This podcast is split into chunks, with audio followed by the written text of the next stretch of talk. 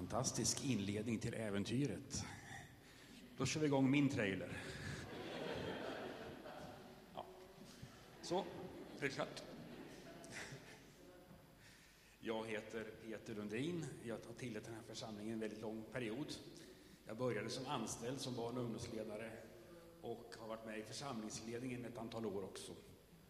Nu är jag inte det, utan, eh, men ibland så brukar jag få möjligheten att dela med mig av ordet under gudstjänst. Och det känns roligt. Det finns ju många ämnen att ta hänsyn till nu. Under ytan är ju temat, så det måste vi få med på något sätt. Och det har ju varit vårens tema för gudstjänsterna.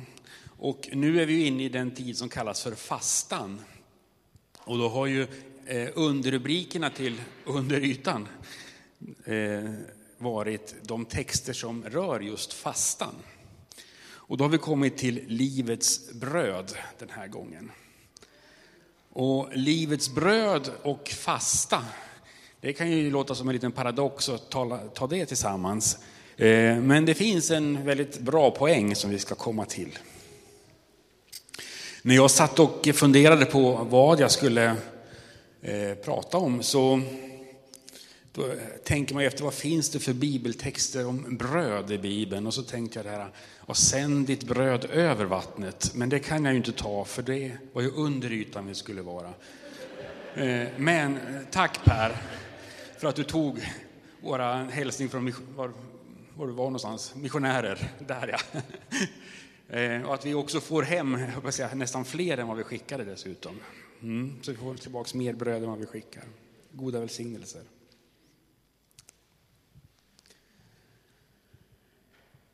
När man eh, ändå börjar titta igenom de bibeltexter som finns om bröd så fick jag fram tre grupper av, eller tre rubriker som man skulle kunna gå igenom. Och det var det jag tänkte göra idag. Och den första underrubriken, nu är vi väldigt djupt ner, va? både bröd, livets bröd under ytan och så nu är det underrubriker där också. Och då är det personliga behov. Bibelns berättelser om bröd handlar om personliga behov. Det är både om välmående, och, men också ren och skär överlevnad. Det handlar både om kroppens behov att få det dagliga brödet, men också om andens behov att få lyssna till Guds ord. Den andra punkten vi ska titta på är att brödet är ett, ett centrum för gemenskap. Det är inte, men det är inte en ytlig gemenskap, det är en nära gemenskap i omsorg, i integration, ja till och med försoning. Och där har vi ju inte minst nattvarden som en del detta. Den sista delen handlar om att berättelsen om bröd handlar om relevans för vår tid, eller var tid skulle jag också vilja säga. Vad är rätt och fel och hur ska vi se på det för var tid? Så det blir mina tre punkter för dagen. Så den centrala formuleringen i inledningsordet är då naturligtvis Människan ska inte le bara leva av bröd, utan av varje ord som utgår ur Guds mun. Berättelserna om bröd, det handlar både om vardag och himmel.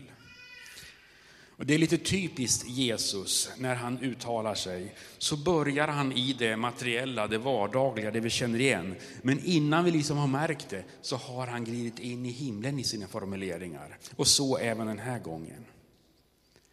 Så det kommer att vara blandat, både mellan det som hör till vår kända vardag och det som tillhör himlen.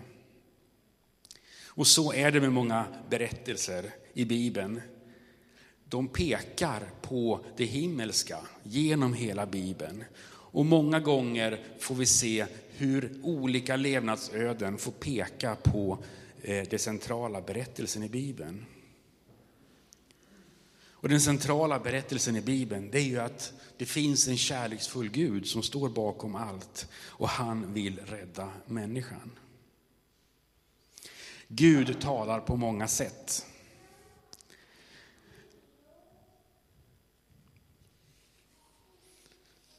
Om vi då går till den första delen om det personliga behovet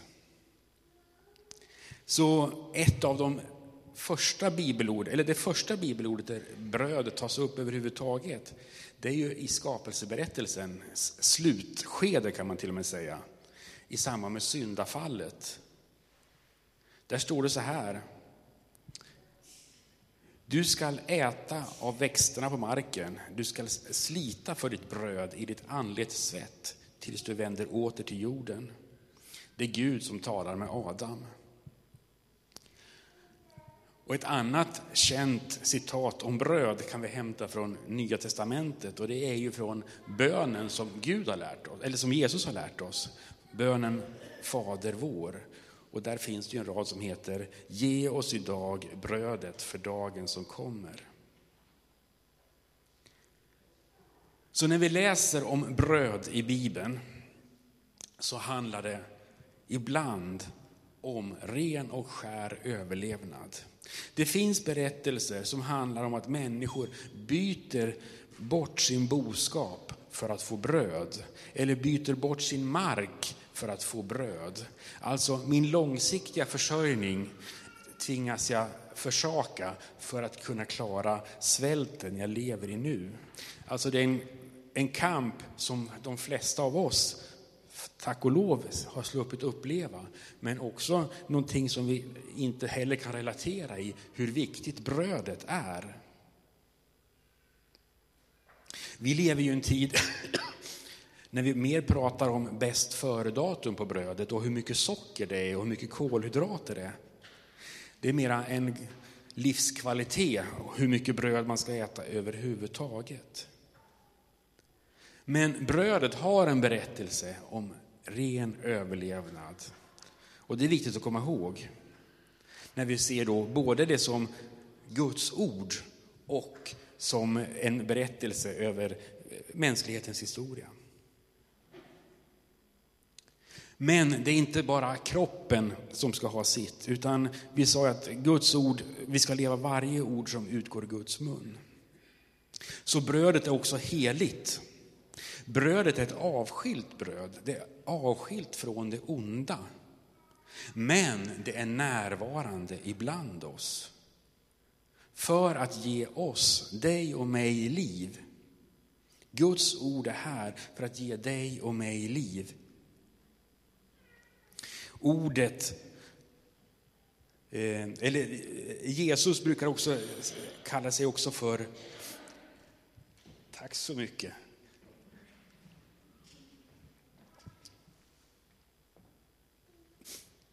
Jesus kallar sig själv livets bröd. Och om honom säger man också att han är ordet. Och ordet, Guds ord, det var ju det som skapade världen. Logiken, logos, som står bakom det vi finns till. Ja, det andliga och det materiella har ju ett gemensamt ursprung.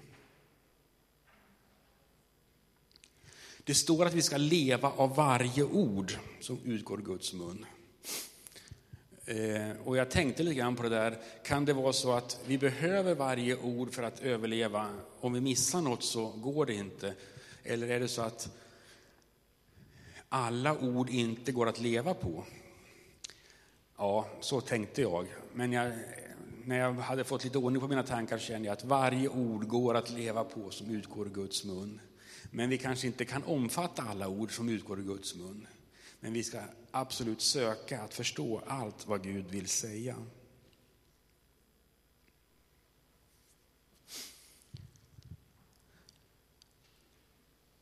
Brödet handlar om mina, också om mina kroppsliga behov och mina materiella behov. Och det får vi lägga fram inför Gud, vilka våra behov är. Men det, ibland är det svårt att veta vad som är ens verkliga behov. Jag jobbar Eh, med IT-projekt normalt sett. Och då händer det att det finns människor som då vill beställa någonting av oss. Och då är det så att om det är de som ska använda systemen som kommer och beställer så har de oftast inte kontroll på vem som betalar, så de önskar sig hur mycket som helst. Medan den som betalar vill hålla ner kostnaderna så mycket som möjligt. Och en klok beställare sa så här en gång till oss på IT. Att ge oss inte vad vi önskar, utan vad vi behöver. Ja, det är inte alltid våra begär är en bra vägvisare till våra verkliga behov.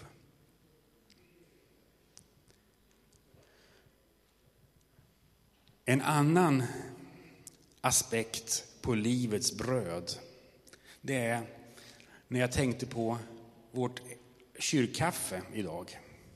Hur många händer har varit med för att det ska bli verklighet? Ja, naturligtvis har det funnits en servicegrupp här som har burit med sig saker och kokat kaffe. Men de har ju inte bara burit med sig sakerna, de har ju också kanske köpt någonting, de har bakat någonting. Och hur kommer det till affärerna? Eh, det fanns grossister och leverantörer, det finns lastbilschaufförer, det finns eh, lantbrukare och kaffeplantageägare vars arbetare har fått vara med för att vi ska få vårt kyrkkaffe. En ganska enkel liten måltid. Tänk så många händer som är med. Och då kommer vi in på nästa punkt. Måltiden, eller brödet, är en symbol för gemenskap.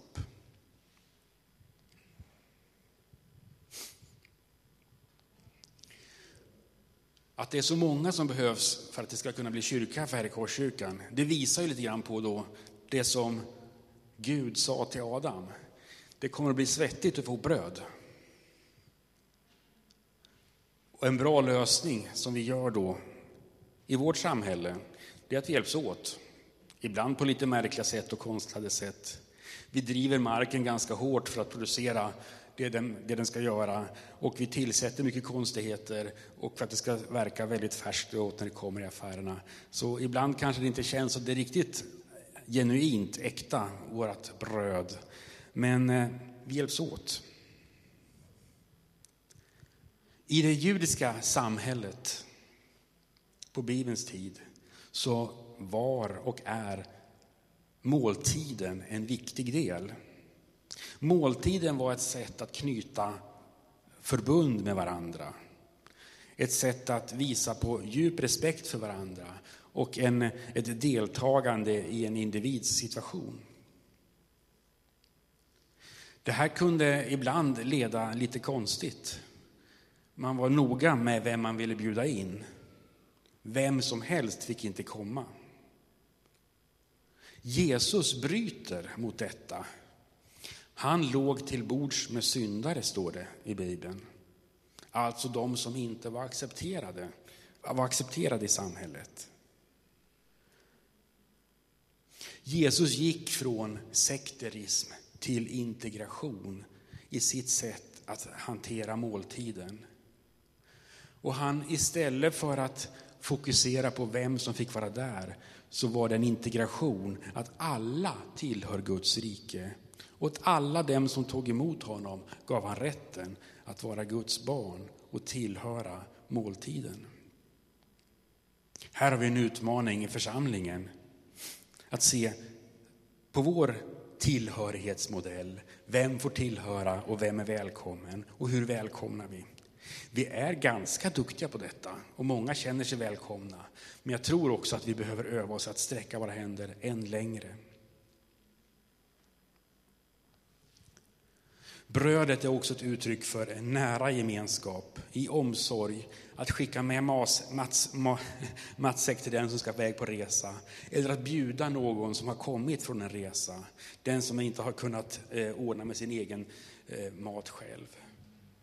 Det finns en djup omsorg i brödet. I nattvarden så visar Gud själv på hur han visar omsorg om oss. Brödet är en bild på Jesus Kristus som har brutits ner för att vi skulle få liv. Och i nattvarden får vi dela det tillsammans med varandra. Och en av de bästa sakerna under nattvarden, ja det är jättemånga saker så jag kan inte värdera dem egentligen, men som ändå har varit lite ny i den här församlingen nu de senaste, det är nytt sedan tio år tillbaka kanske. Men att vi hälsar på varandra och säger fridshälsning. Vi gör det i gemenskap. Det är inte bara min lilla synd och min lilla relation till Gud som är viktig, utan vi bjuder in varandra, ser varandra i ögonen och delar måltidsgemenskapen med varandra.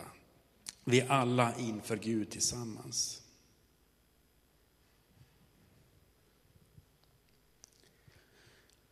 Livets bröd är ju temat då för den här söndagen, mitt i fastan.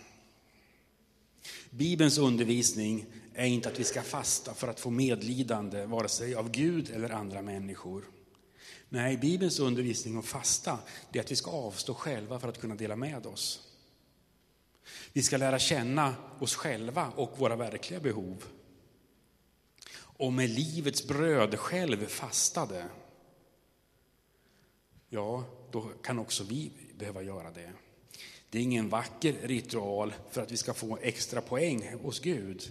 Nej, för att vi ska få lära känna oss själva och Gud. När Jesus fastade så står det att det tog på krafterna, han vart hungrig. Och i hans svaghet, ja då kom prövningens stund.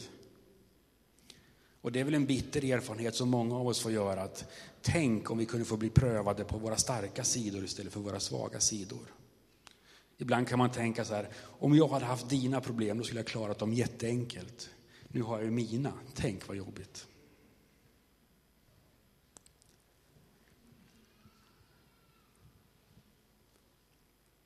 Men i avståendet från brödet så får vi också lära känna en äkta hunger, en äkta hunger efter Gud själv.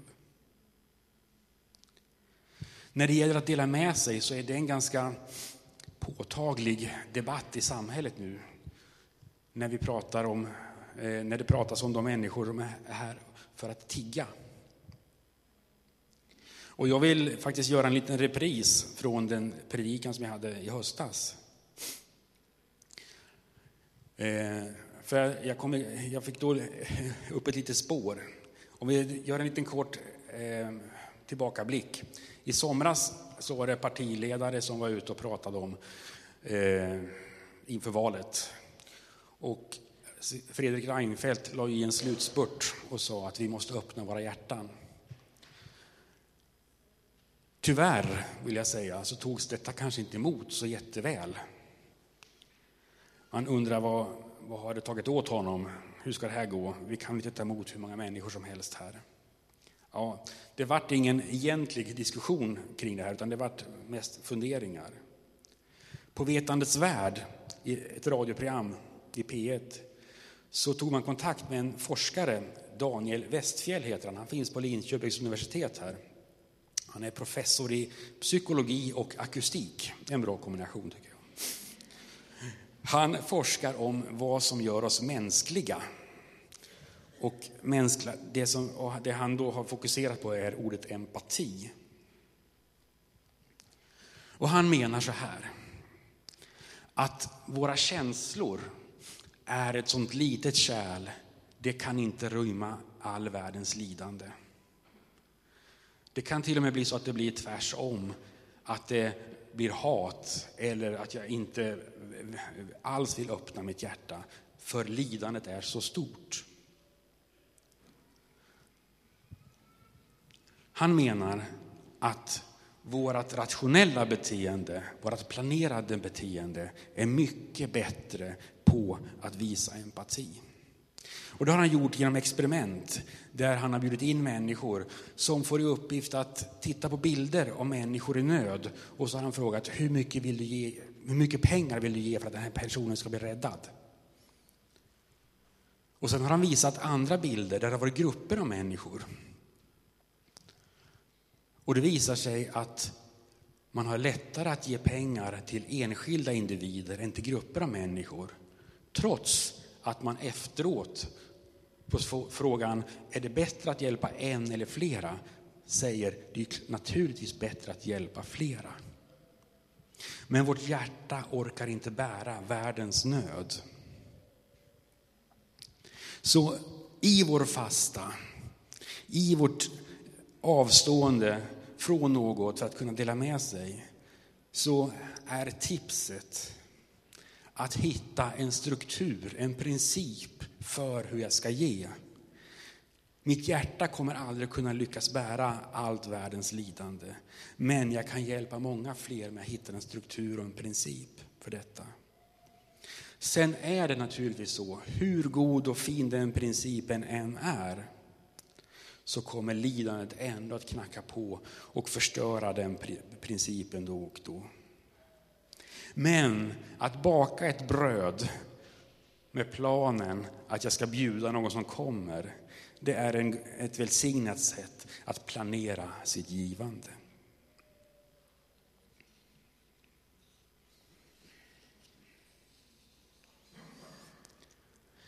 Livets bröd är också en berättelse om relevans i vår tid. Jag vet inte om du har sett på det här programmet Historieätarna. Jag har sett några program. Och det intressanta med det här programmet är att man eh, får då se ett, två skådespelare, tror jag det är, va? som får klä ut sig och sen leva under en veckas tid i någon historisk epok. Ibland får de vara eh, herrskapsfolk och ibland får de vara fattiga. Och så får de framför allt äta de måltider som man tror var på den här tiden. Och vi får tillsammans med de här personerna förvånas över vad man åt, äcklas över vad man åt och vi får inse samband att det har betydelse var man är född, i välstånd eller i fattigdom. Och hur gör man utan kyl och frys och hur konserverar man sin mat? Färgen och formen på maten, ja den kan se väldigt annorlunda ut än här idag. Speciellt om man tittar på något annat kockprogram där man jobbar med struktur och textur och, och färg och form för att det ska bli fint och vackert. Livets bröd måste också eh, göras relevant för vår tid. Det beskrivs på, i, i Bibelns texter hur det var då. Visst innehåller Bibeln, eller brödet, sina näringsämnen nu som då.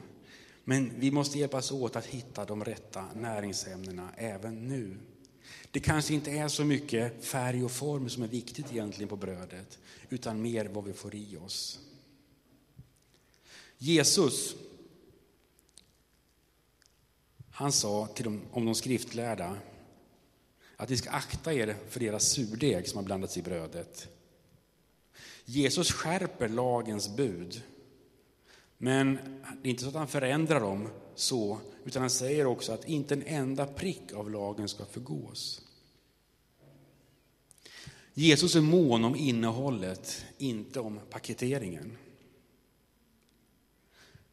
När paketsnöret binder oss istället för att gåvan glädjer oss, då är vi illa ute. Om ritualen i kyrkan blir lag och tillhörigheten en fråga, vem får vara med? Ja, då är vi illa ute. För Bibeln säger, men åt alla den som tror gav han rätten att bli Guds barn. Vi behöver vara noga också med att se och rensa bort surdegen ur våran tro. Att söka sanningen på djupet. Vad är rätt och fel? Och vad är rätt och fel svar på dagens, nutidsmänniskans frågor? Vi behöver söka oss på djupet, inte för att nå acceptans i samhället, utan för att nå relevans i samhället.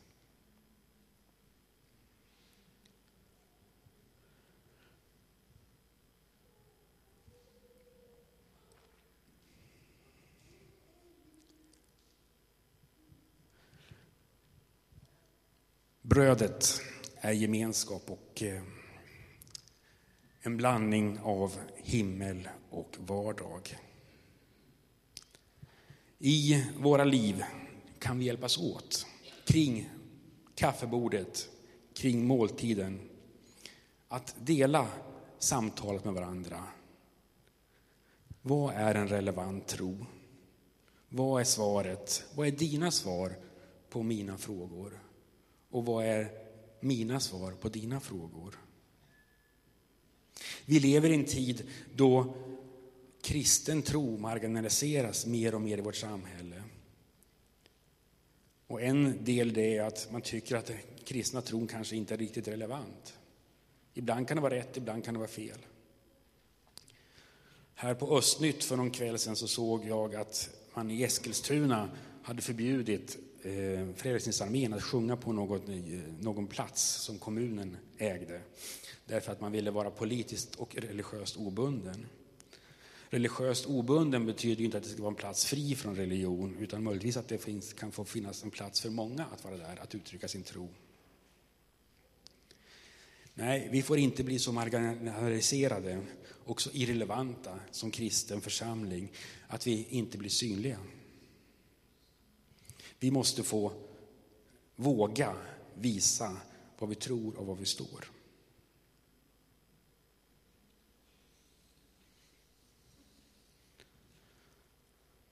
Som avslutning.